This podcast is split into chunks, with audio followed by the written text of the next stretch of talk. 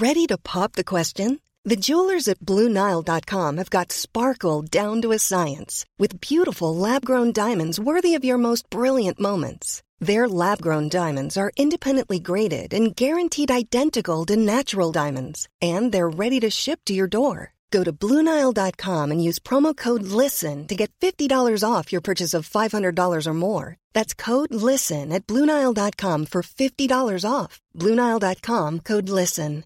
Quality sleep is essential. That's why the Sleep Number Smart Bed is designed for your ever evolving sleep needs. Need a bed that's firmer or softer on either side? Helps you sleep at a comfortable temperature? Sleep Number Smart Beds let you individualize your comfort so you sleep better together. JD Power ranks Sleep Number number 1 in customer satisfaction with mattresses purchased in-store. And now save 40% on the Sleep Number limited edition Smart Bed for a limited time. For JD Power 2023 award information, visit jdpower.com/awards. Only at Sleep Number stores or sleepnumber.com. Many of us have those stubborn pounds that seem impossible to lose, no matter how good we eat or how hard we work out. My solution is PlushCare. PlushCare is a leading telehealth provider with doctors who are there for you day and night to partner with you in your weight loss journey. They can prescribe FDA-approved weight loss medications like Wagovi and Zepbound for those who qualify. Plus, they accept most insurance plans. To get started, visit plushcare.com slash weight loss. That's plushcare.com slash weight loss. Så gör Sveriges bästa verksamheter. Ja, i de flesta organisationer så är det ju medarbetarna som har störst möjlighet att både se de förändringar som behöver göras och för att förbättra arbetet, men också att genomföra de här förändringarna. Men det är sällan så det fungerar. Ja, det är i alla fall inte så det upplevs när man är medarbetare. Väldigt ofta eh, känner man att jaha, nu har ledningen hittat på något, nu ska det bli omorganisation igen. Och det är inte heller alltid så tydligt för alla om det blev något resultat eller inte. Men det finns de som lyckas med både förändringar och faktiskt helt vanliga verksamheter. Eh, och vad de gör, det ska vi prata om idag.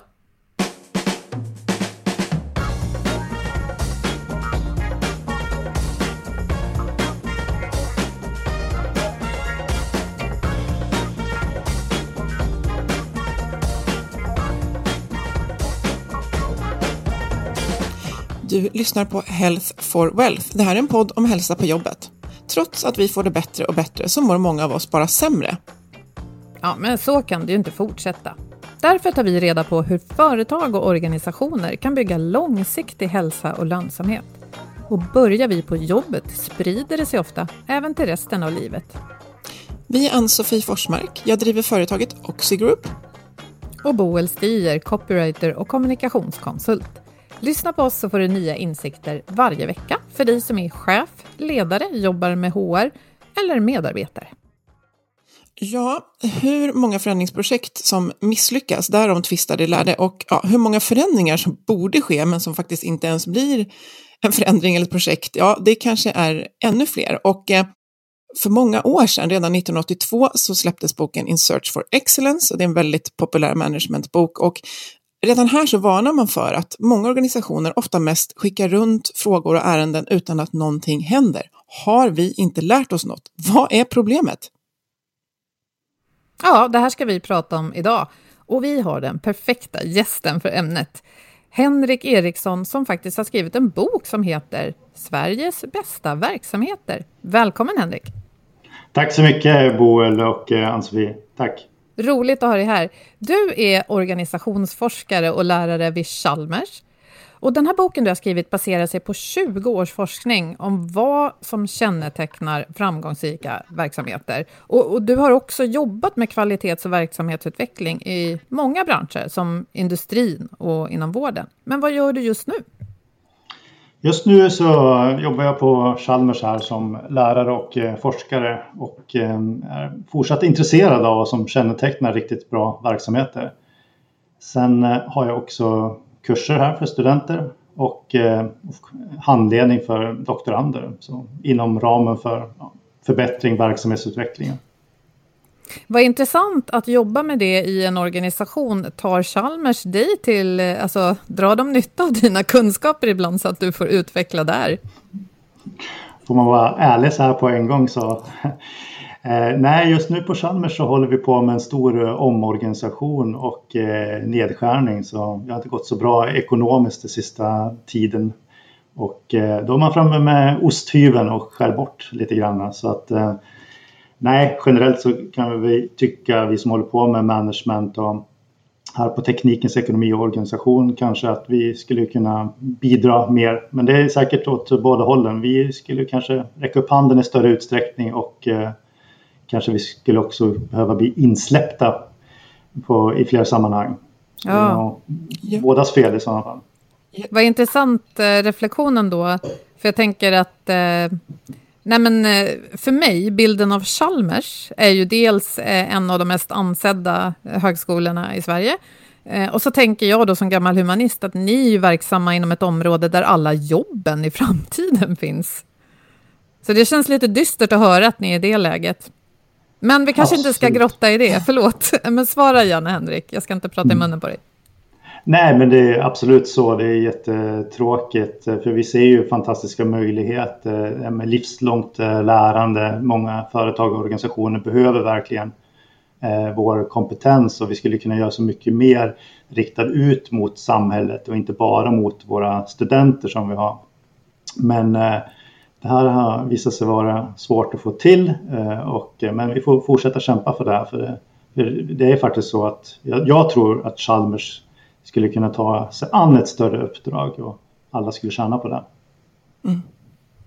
Och jag tänker att de, du får väl ge alla din bok då, tänker jag, som är berörda av det här. För att eh, jag har ju läst den nu, eh, jag, jag, eh, delade upp den i ungefär 51 sida i fyra dagar, vilket tog mig igenom den. Och eh, jag kände också att det var hög igenkänning från oss som jobbar med arbetsmiljöfrågor, motivationsteori och också liksom management. Att, eh, ja, men jag tänkte så här, herregud, förstår man liksom inte det här? Eh, hur, hur, hur, kan det vara att man inte har koll på de här bitarna och de här kopplingarna av vad det är som bidrar till framgångsrikt förändringsarbete? Eh, men också tänkte jag, wow, vad, vad bra det kan vara. Och lite personligt så eh, blev jag jätteglad när jag läste om Karlskoga lasarett. För där har min faste varit verksam på personalavdelningen i jättemånga år. Hon gick i pension för ganska, ja, kanske åtta år sedan nu. Eh, men jag vet att hon pratade mycket om det här arbetet. Alltså liksom jag känner igen det, det de försökte driva, så superroligt. Eh, men i den här forskningen då som grundar sig för boken så har ju ni tittat på som sagt vad som präglar Sveriges bästa och det är både privata och offentliga verksamheter. Och väldigt pedagogiskt så har ju eh, du i boken presenterat det här som fem stycken principer som, de, eh, som präglar dem, men det är också det som de faktiskt gör. Och jag och Boel gillar att prata om vad, vad man gör då. Så att, eh, kan du kort eh, nämna de här principerna och så grottar vi lite i vad de här fem handlar om. Mm, absolut. Eh, den principen som är längst bak i boken men som jag brukar börja med det är den som jag kallar Vi förbättrar. Alltså organisationer som jag klassificerar som Sveriges bästa verksamheter de har en förbättringstakt, en hög förbättringstakt. Det vill säga de gör resultatförbättringar för de som de är till för privat sektor kallar vi dem kunder. Eh, I offentlig sektor så ja, kanske kund är inte det bästa ordet utan jag brukar kalla dem de som vi är till för. Så de här verksamheterna de jobbar med förbättringar hela tiden. De experimenterar och testar och gör nya lösningar. Och på det sättet så uppnår de eh, faktiska resultatförbättringar. Så det är väl egentligen den som särskiljer riktigt, riktigt bra verksamheter från mindre bra verksamheter då, skulle jag vilja säga. Och jag skulle säga det att Sveriges bästa verksamheter så menar jag verksamheter som är närmare också att nå sin fulla potential. Det vill säga man är inte nödvändigtvis bäst ur ett ekonomiskt perspektiv utan man är närmare att nå dit man, där man borde vara. Så, sen en annan princip som jag tycker är viktigt, den kallar jag behovs och syftesdriven. Där utgår man ifrån kundens röst hela tiden. Eh, alla verksamheter är ju till för, för något uppdrag eller det är mening att organisationen finns, finns till. Och eh, då kan man ju vara drivna av det syftet eller så kan man inte vara drivna. Vi pratar ju mycket om varför idag. Eh, börja med varför. Och de här verksamheterna som är behovs och syftesdrivna de utgår hela tiden ifrån sitt varför och eh, utgår ifrån kundens behov och försöker omsätta det i handling i, i verksamheten. Så det är princip nummer två. Princip nummer tre kallar jag vi har värdeskapande processer och nätverk. Det är ju så att verksamheter idag är inga isolerade öar utan vi behöver samverka. Funktioner behöver samverka med varandra i en organisation och organisationer behöver samverka med andra organisationer för att få till det värdeskapande för de som man är till för. Och eh, Sveriges bästa verksamheter då är, är, väldigt bra på att få till den här helheten för, för kunden. Då. Här finns ju också väldigt mycket skrivet eh, lean-inspirerat till exempel kring hur man skapar processer som, eh, ja, som flyter. Sen princip, eh, två principer till som jag har funnit är viktiga kallar jag vi leder och vi är motiverade. Det är de två sista.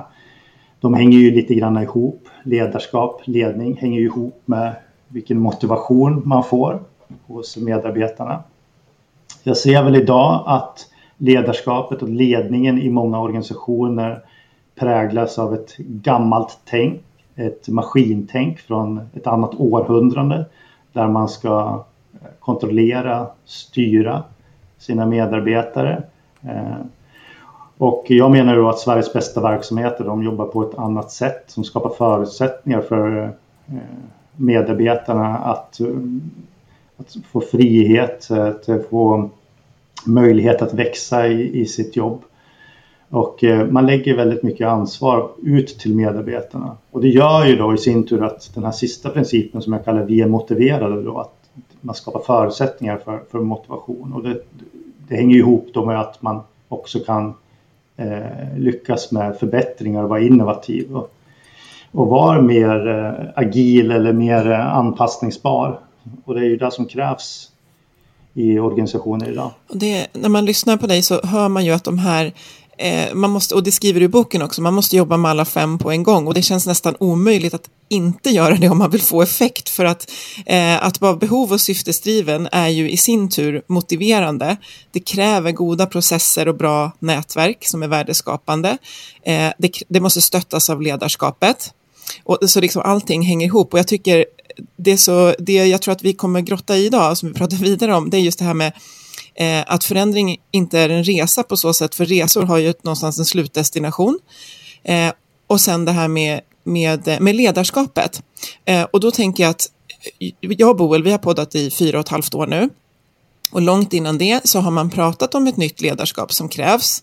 Eh, men det verkar inte riktigt som att det tillämpas ute i våra organisationer. Om du fortfarande ser eh, det här eh, så att säga gamla maskintänket. Jag tänker, vad, eh, vad beror det på att vi inte tillämpar det här det ledarskap som behövs idag? Om vi hoppar till den frågan. Eh, jag tror det bottnar i två rotorsaker. Det ena är en okunskap. Eh, man har inte kunskapen. Det tar ju lång tid att eh, att föra ut den här nya kunskapen kring hur mer moderna organisationer leds och organiseras.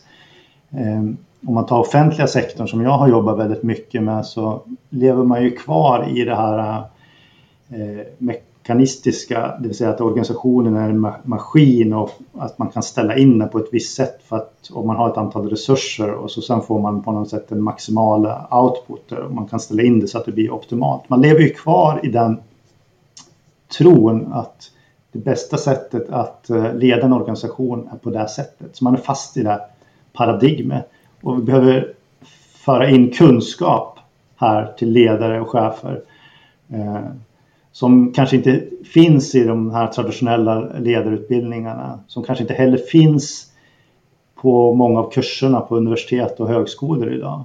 Utan vi lever kvar i det här paradigmet, det är så här organisationer ska designas, det är så här management ska göras. Eh, när vi lever i en helt annan värld nu, 2020, än vad vi gjorde på 1900-talet. Så kunskap. Sen den andra som jag tror faktorn som är viktig för att det inte blir någon förbättring på det här området det är just att det finns en rädsla också att göra någonting fel. Det här är också någonting jag sett i väldigt stor utsträckning i offentliga verksamheter. Man håller hellre kvar vid det gamla för det är tryggt och eh, man är kanske rädd att eh, vara för innovativ och göra någonting utanför liksom, den dominerande organisationskulturen. Man kanske hängs ut i, i media om man är offentlig sektor till exempel, om, om man gör någonting som, som, som gör att man testar någonting nytt. Man är mer fokuserad på att inte göra fel än att faktiskt göra rätt. Och eh, man följer lagar och regler och så här och ja, det, det gör ju då att man eh, ja, att mer fokusera på det än att faktiskt förbättra och jobba med innovation. Så rädsla och okunskap tror jag. Men jag måste fråga där, för att eh, om man tittar på offentlig sektor, till exempel vården, eh, behoven ser väl ungefär likadana ut idag som de gjorde för 30 år sedan. Vi blir sjuka, vi behöver hjälp av professionell sjukvård, vi vill gärna få träffa rätt person eh, eh, snabbt förstås, utan att stå i köer eller vänta. Och sen behöver vi få eh, hjälp så att vi blir friska. Så att där har vi inte förändrats så himla mycket.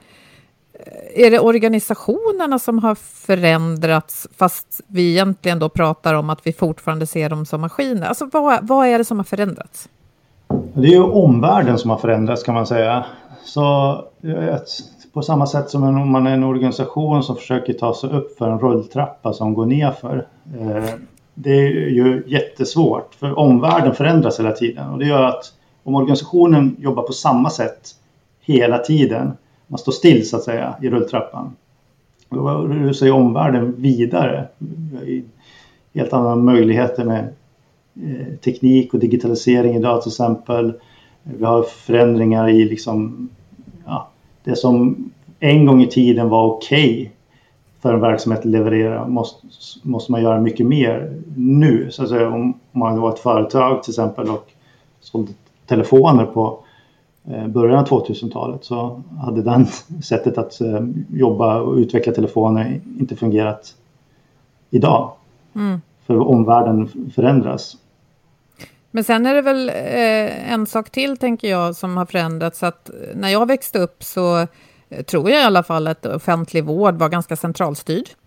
Eh, vilket gjorde att, ibland, att det kunde bli en koloss som hade svårt att röra sig och, och få effekt.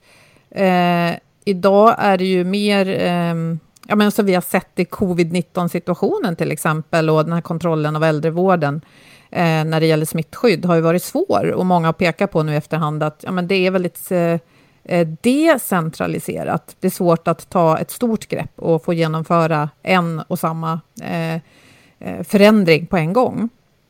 Så det är väl det ena. Men samtidigt har vi läst då i... Eh, nu säger jag väldigt många saker på en gång här då, men decentralisering har vi ju i vården.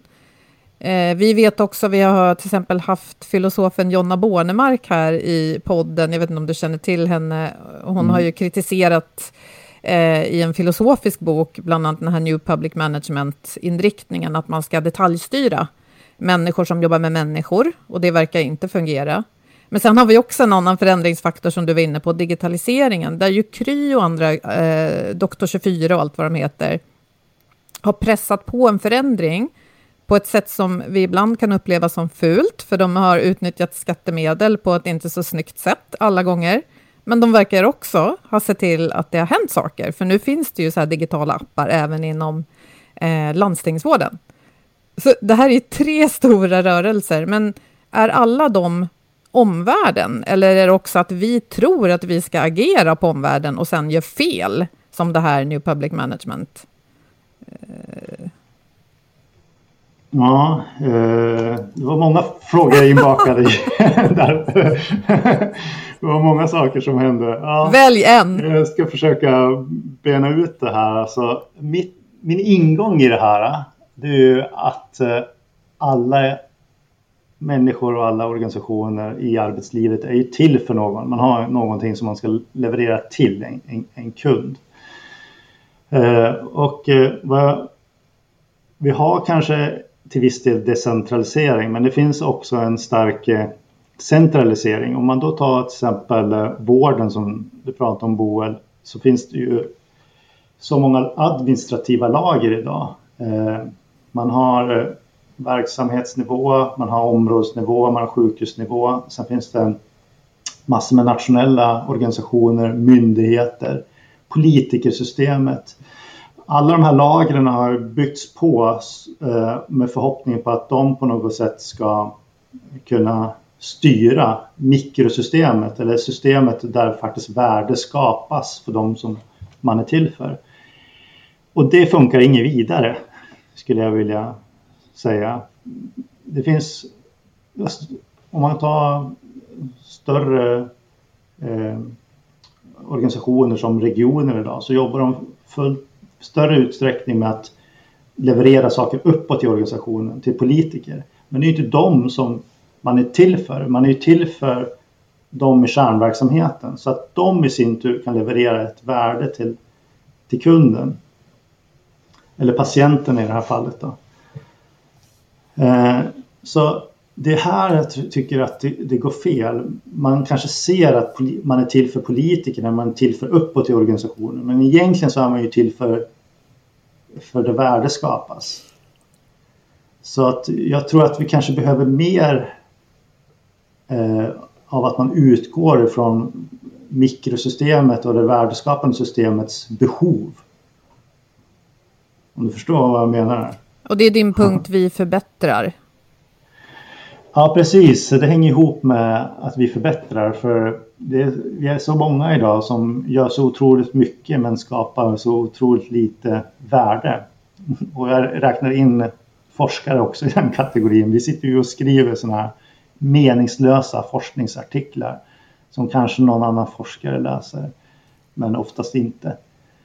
Och eh, vad, vad, det är klart i vår eh, utbildning så lär vi ut för studenterna naturligtvis.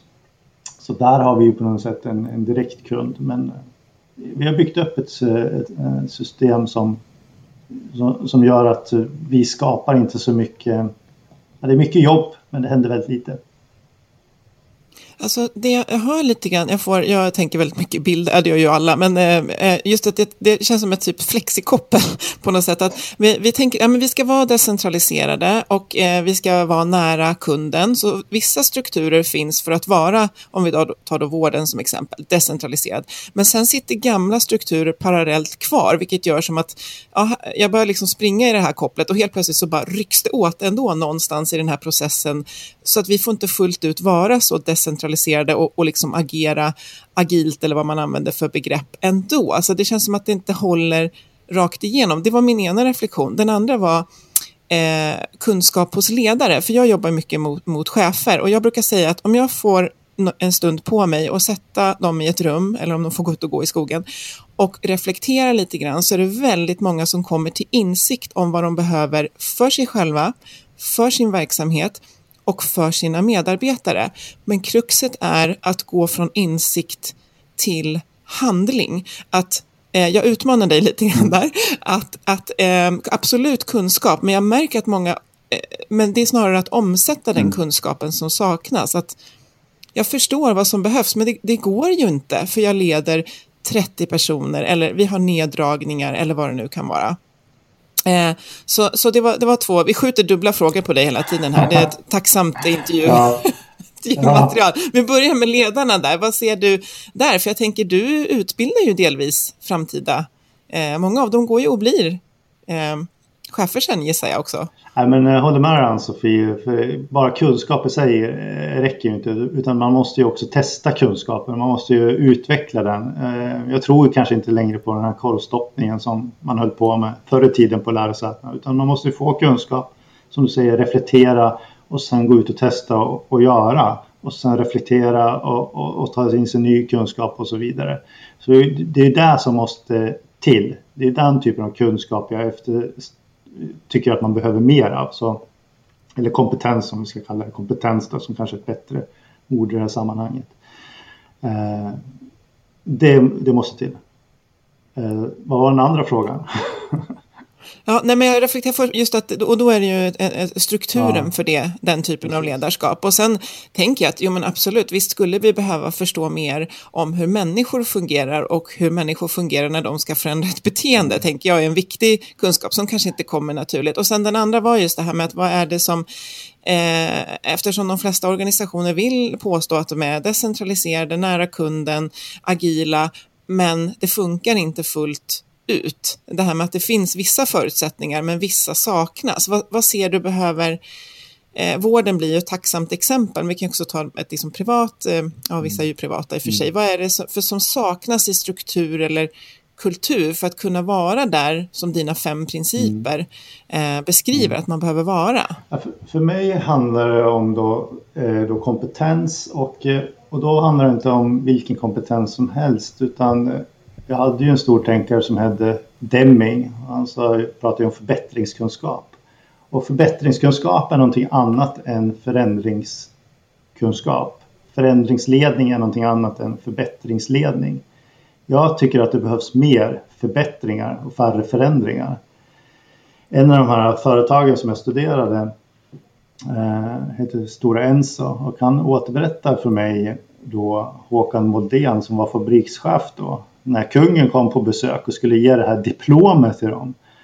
Och kungen frågade, men eh, de hade ju fantastisk arbetsmiljö där och de hade lyckats med allting och de gick jättebra ekonomiskt det här stora Enso Fors då, som ligger i Gästrikland, Dalarna. Och då frågade kungen, hur, men hur kommer det sig att ni har lyckats med alla de här förändringarna?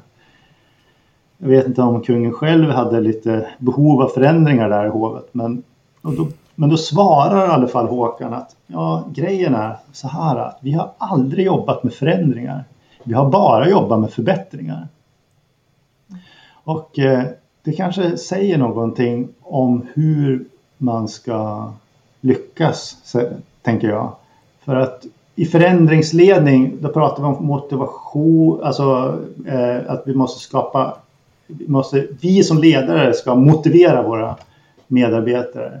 Vi måste hantera förändringsmotstånd. Och, och det bygger ju egentligen på det här äh, tankesättet att organisationen är en maskin. Äh, folk vill inte förändras och, och, och, man är rädd för förändringar och så vidare. Hela den äh, diskursen är för mig väldigt, väldigt konstig. Och det är här vi fokuserar 90 procent av ledarskapsutbildningarna.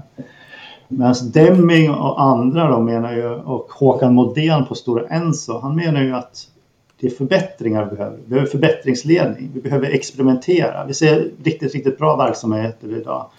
De, ju mer man experimenterar, desto bättre. Förr i tiden här på Chalmers när vi hade entreprenörsutbildningar, då kanske man la fokus på på att man skulle ta fram den perfekta produkten och sen skulle man eh, föra ut den på marknaden och så sen skulle kunderna börja köpa den. Men det är inte så det går till för entreprenörer idag. Det är inte så vi jobbar längre här på Chalmers utan man, man utvecklar ju någonting så, så testar, man, testar man det och sen utvecklar man igen och testar iterativt. Och det är skillnaden mellan förbättringsledning för mig och förändringsledning.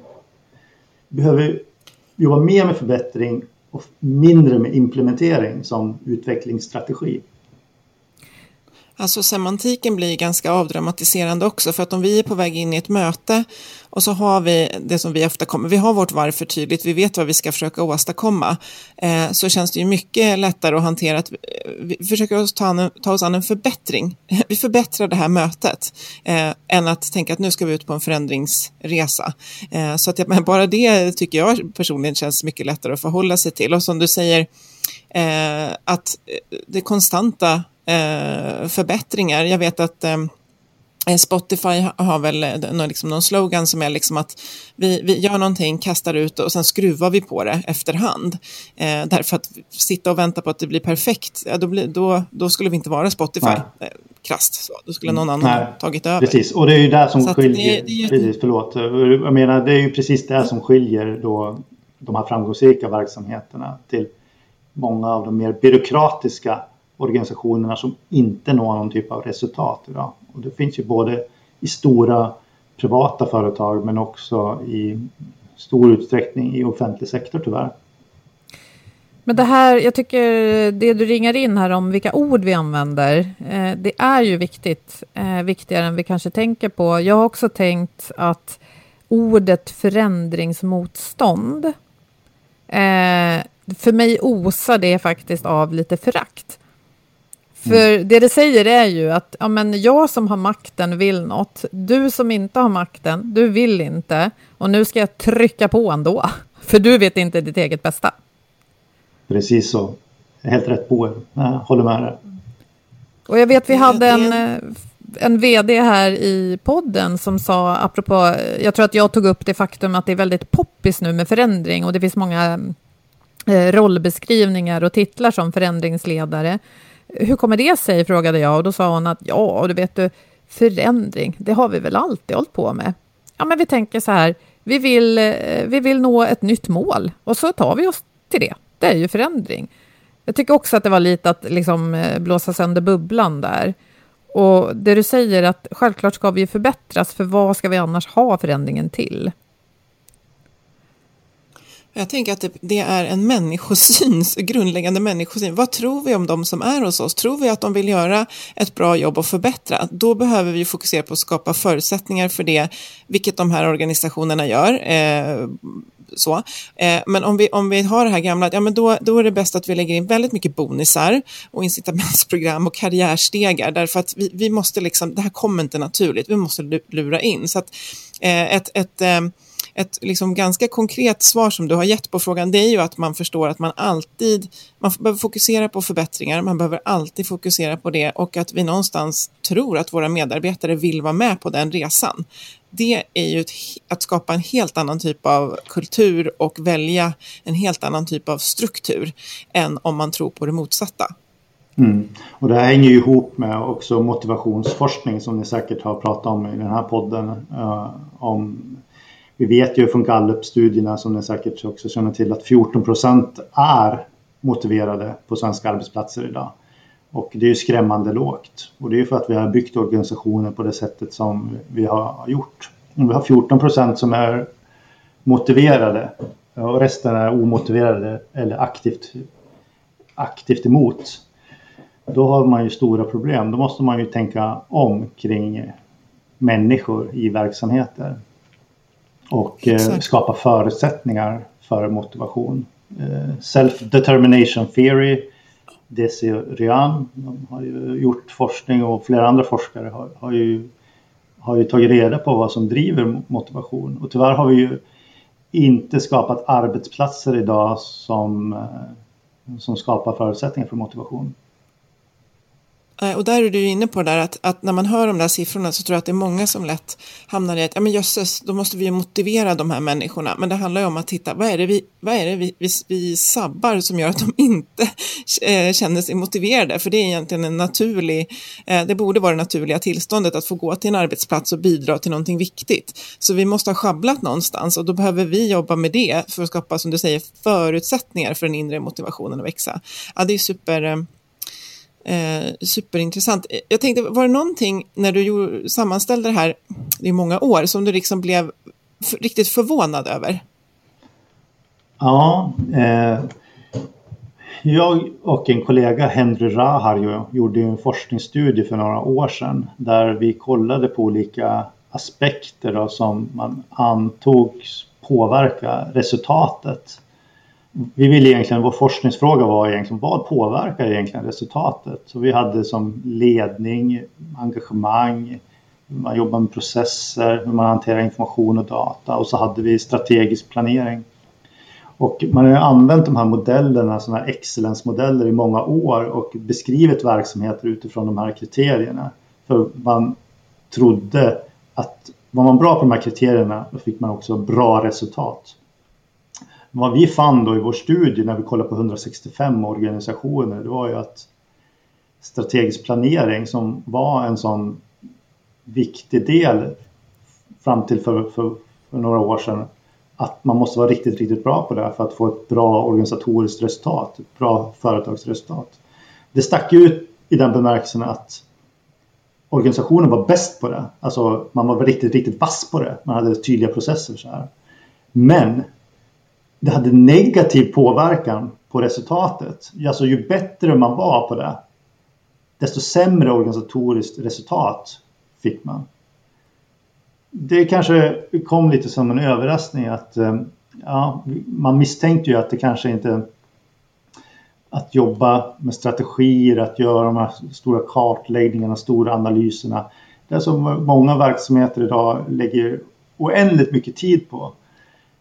Eh, och, men där många vittnar om att det, men det leder inte till någon action. Men vi kunde då se i vår forskningsstudie att det faktiskt till och med ju bättre man var på det, desto sämre resultat fick man. Och varför var det så? Vad var det man ja. gjorde fel då? För det måste ha lett till något äh, agerande som sen fick ett resultat. Ja, jag tänker att, att om man då som en ledningsgrupp eller som stabspersoner i en verksamhet lägger för mycket tid på att analysera, kartlägga, strategisamtal, ändlösa workshops som aldrig tar slut utan att det påverkar kärnverksamheten. Då tar vi ju våra resurser och vår energi från att faktiskt förbättra kärnverksamheten. Och det är lite grann som förr i tiden, då försökte man ju, och många organisationer jobbar fortfarande kvar i det paradigmet att man tänker att man ska planera eh, och så sen så under lång tid och sen gör man. Lite grann som planekonomi i Sovjetunionen med femårsplaner. Mm. Medan idag måste vi mer spela som amerikansk fotboll, det vill säga vi har ett spel som vi planerar inför. Men det spelet är väldigt kort. I en organisation kanske det spelet är bara två veckor. Och så sen så lär vi någonting utifrån liksom att ha, ha gjort någonting under två veckor och reflekterar. Hur skulle vi kunna planera om? Så det här betyder ju inte att man slutar med planering utan man måste ha mycket, mycket kortare tidshorisonter. Man måste ut och testa i kärnverksamheten. När man jobbar med strategisk planering så blir man oftast i ett parallellt universum som inte hänger ihop med eh, den faktiska verksamheten. Ja, vad intressant. Och det kanske känns tryggt som ledare också att tänka nu gör vi ett jättegrundligt arbete här. Sen kan vi bara jobba på i fem år och då har vi ramverket klart för oss. Liksom. Ja, men precis. Det skapar ju en trygghet och det skapar ju på något sätt kanske uppåt i organisationen till en styrelse att nu den här nya chefen tar tag i det här. Nu, nu kommer strategin på plats. Nu kan vi liksom bara implementera den här. Och, men det är ju att de implementeringarna, det är de som inte funkar.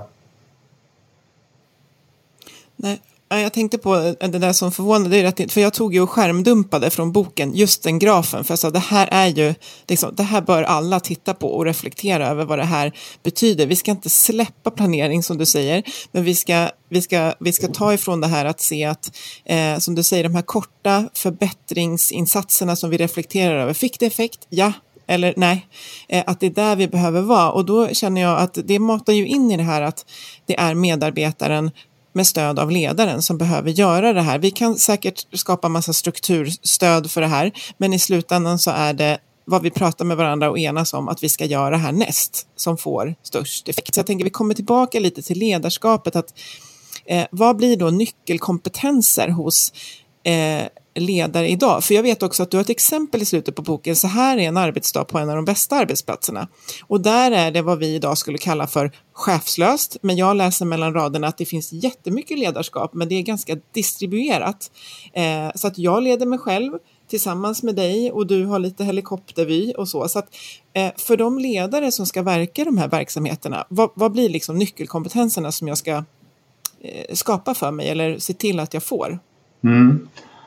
Bra fråga. Eh, först och främst tror jag det handlar om att man tänker om. Man lämnar det här paradigmet att organisationer ska ledas som det gjorde på 1900-talet. Utan vi måste förstå att vi lever i en annan, verks, i en annan omvärld nu. Där vi måste vara mycket mer anpassningsbar. Det ser vi till exempel i coronakrisen här. Hur, som du relaterar till också Boel, att vi ser ju idag hur snabbt en del verksamheter kunde faktiskt ställa om med hjälp av ett ledarskap som var väldigt nära kärnverksamheten. På sjukhus kunde snabbt skala upp intensivvårdsplatser och där har du ju ett ledarskap som man, man, man, lö, man löste problem. Man utgick utifrån ett tydligt varför.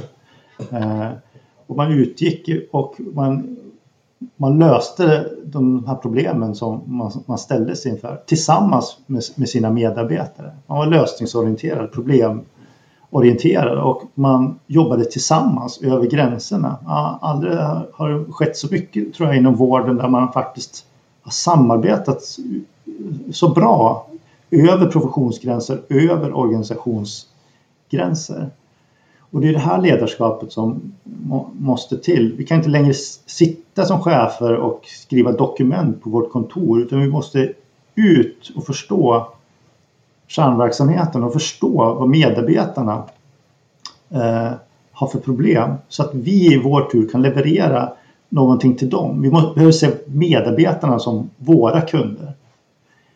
IKEA är också ett sådant framgångsrikt exempel oftast. De har ju chefer som går ut i verksamheten. De jobbar på restaurangen på IKEA. De är i varuhuset. Högsta chefen är ute i varuhuset och jobbar där för att förstå hur ser vardagen ut för mina medarbetare? För att sen kunna föra tillbaka det in liksom i ledningsarbetet och, och kunna leverera eh, saker som medarbetarna behöver. Nu tror cheferna att medarbetarna är till för dem. Men det är tvärtom. Cheferna behöver förstå att de är till för sina medarbetare. Det är kunderna.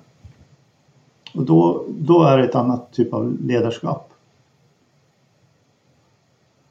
Det ser man till exempel Toyota, Toyota är ju också ett sådant exempel och Lean-rörelsen och det här med att eh, ja, gå ut i fabriken, gå ut och se vad, vad, vad det faktiskt hände och ställ varför och, och det här. Det är liksom, mm. Och inte det här bakåtlutande rapportskrivande utredningsstrategitänkandet. Men om man då är fast i en stor organisation med enormt många lager och man är en chef eh, i en organisation som är rädslostyrd, kanske av eh, delvis goda skäl för att man hanterar skattebetalarnas pengar och kommer att bli ifrågasatt.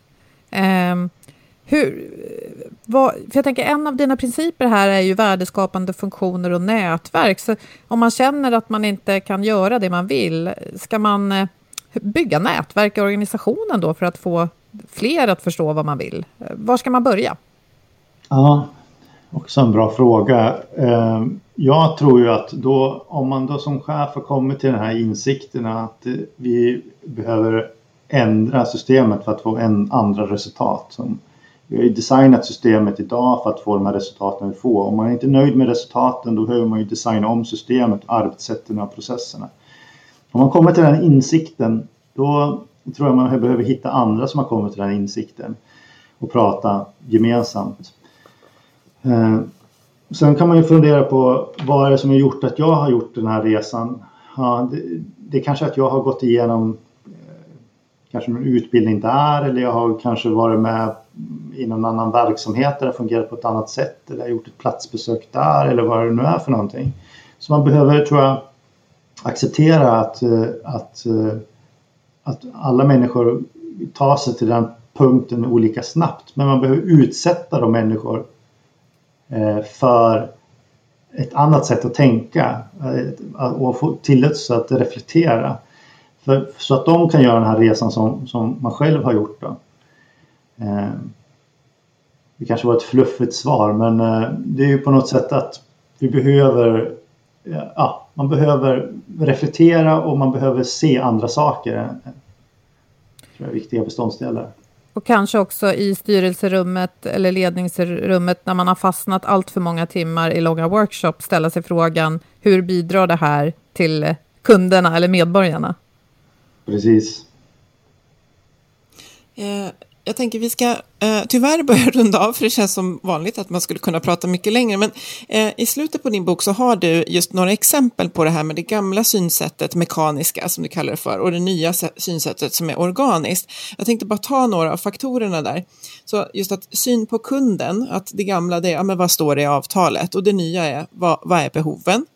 Eh, syn på Eh, Eh, motivation utifrån kontra att nu behöver den komma inifrån och sen beslut att traditionellt fristående från arbetet, något som chefer gör, men här behöver vi ha det integrerat i arbetet, allt som alla gör. Och ledningens roll, som vi varit inne på, inte längre besluta, styra och kontrollera, utan skapa förutsättningar för förbättringar av systemet.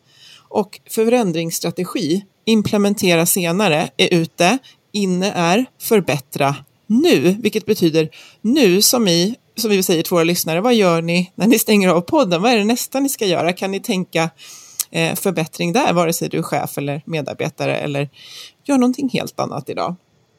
Så den, den eh, grafen hjälpte mig väldigt mycket att liksom på något sätt sammanfatta det som du, den här förflyttningen som vi, som sagt, vissa har lyckats med väldigt bra, vissa har inte lyckats med bra, men det finns hopp för alla, tror jag.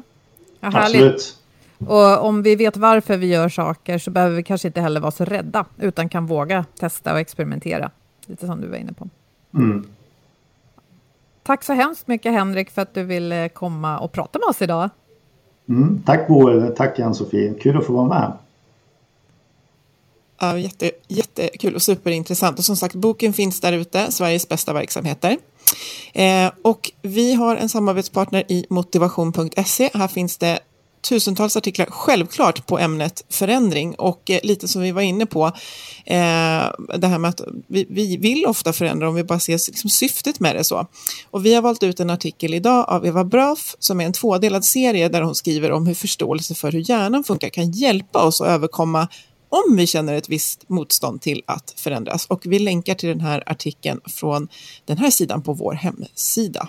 Den heter Från förändring till utveckling. Ja, och vi kan ju lägga till där förbättring då.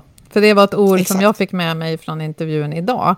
Och eh, jag ska faktiskt börja använda det praktiskt i vardagen när ordet förändring kommer upp och säga att om vi inte kan eh, byta ut det mot förbättring, då ska det nog inte ske någon förändring heller. Vi tackar våra partners motivation.se och Agda Media för den här produktionen. Följ gärna oss på sociala medier som på LinkedIn och skriv gärna en kommentar så hjälper du oss att nå ännu fler lyssnare. Ta hand om varandra. Tack för idag. Hej då! Hej då!